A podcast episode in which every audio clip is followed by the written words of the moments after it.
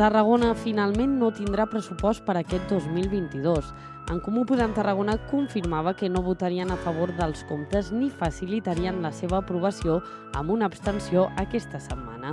La consellera Carla Aguilar explicava per què havien pres aquesta decisió aquesta segona part de les negociacions doncs, és la cosa que hem vist que, que, que ens ha fallat. No? Creiem que, que un govern ha de donar confiança cap a la ciutadania i això comença per donar confiança a, a les persones eh, amb qui es relaciona directament, no? eh, les persones i els grups polítics en aquest cas, o, o les entitats, o, o, o amb, qui, amb tots els agents socials amb qui, amb qui té aquesta relació. La decisió no ha sigut fàcil. Per primer cop els dos partits no estaven d'acord. Podem no volia aprovar els comptes i Tarragona en Comú sí. Això ha generat crítiques entre els dos partits i algunes disputes. Toni Carmona, portaveu de Podem, deia que no veia els punts que havien demanat inclosos en els comptes. Bueno, nosaltres no compartim el número eh, ni, ni com ho van demanar, això és un número que ha sortit a la premsa però que no, que no és la, la realitat de, de, del procés.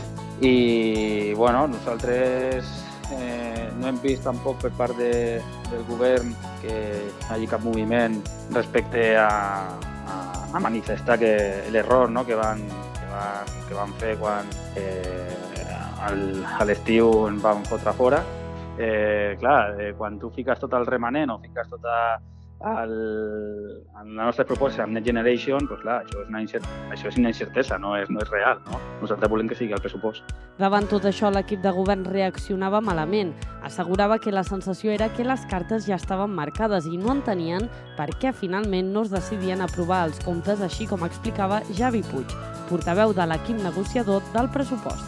Estem posant sobre la taula la possibilitat d'estudiar, preservar l'espai i la previsió de que pugui ampliar-se el nombre d'entrades a Tarragona. Ara mateix només n'hi ha una, sabem que depèn del sentit des del qual vinguis, doncs és complicat i no és, no és atractiu entrar a Tarragona i necessites altes entrades.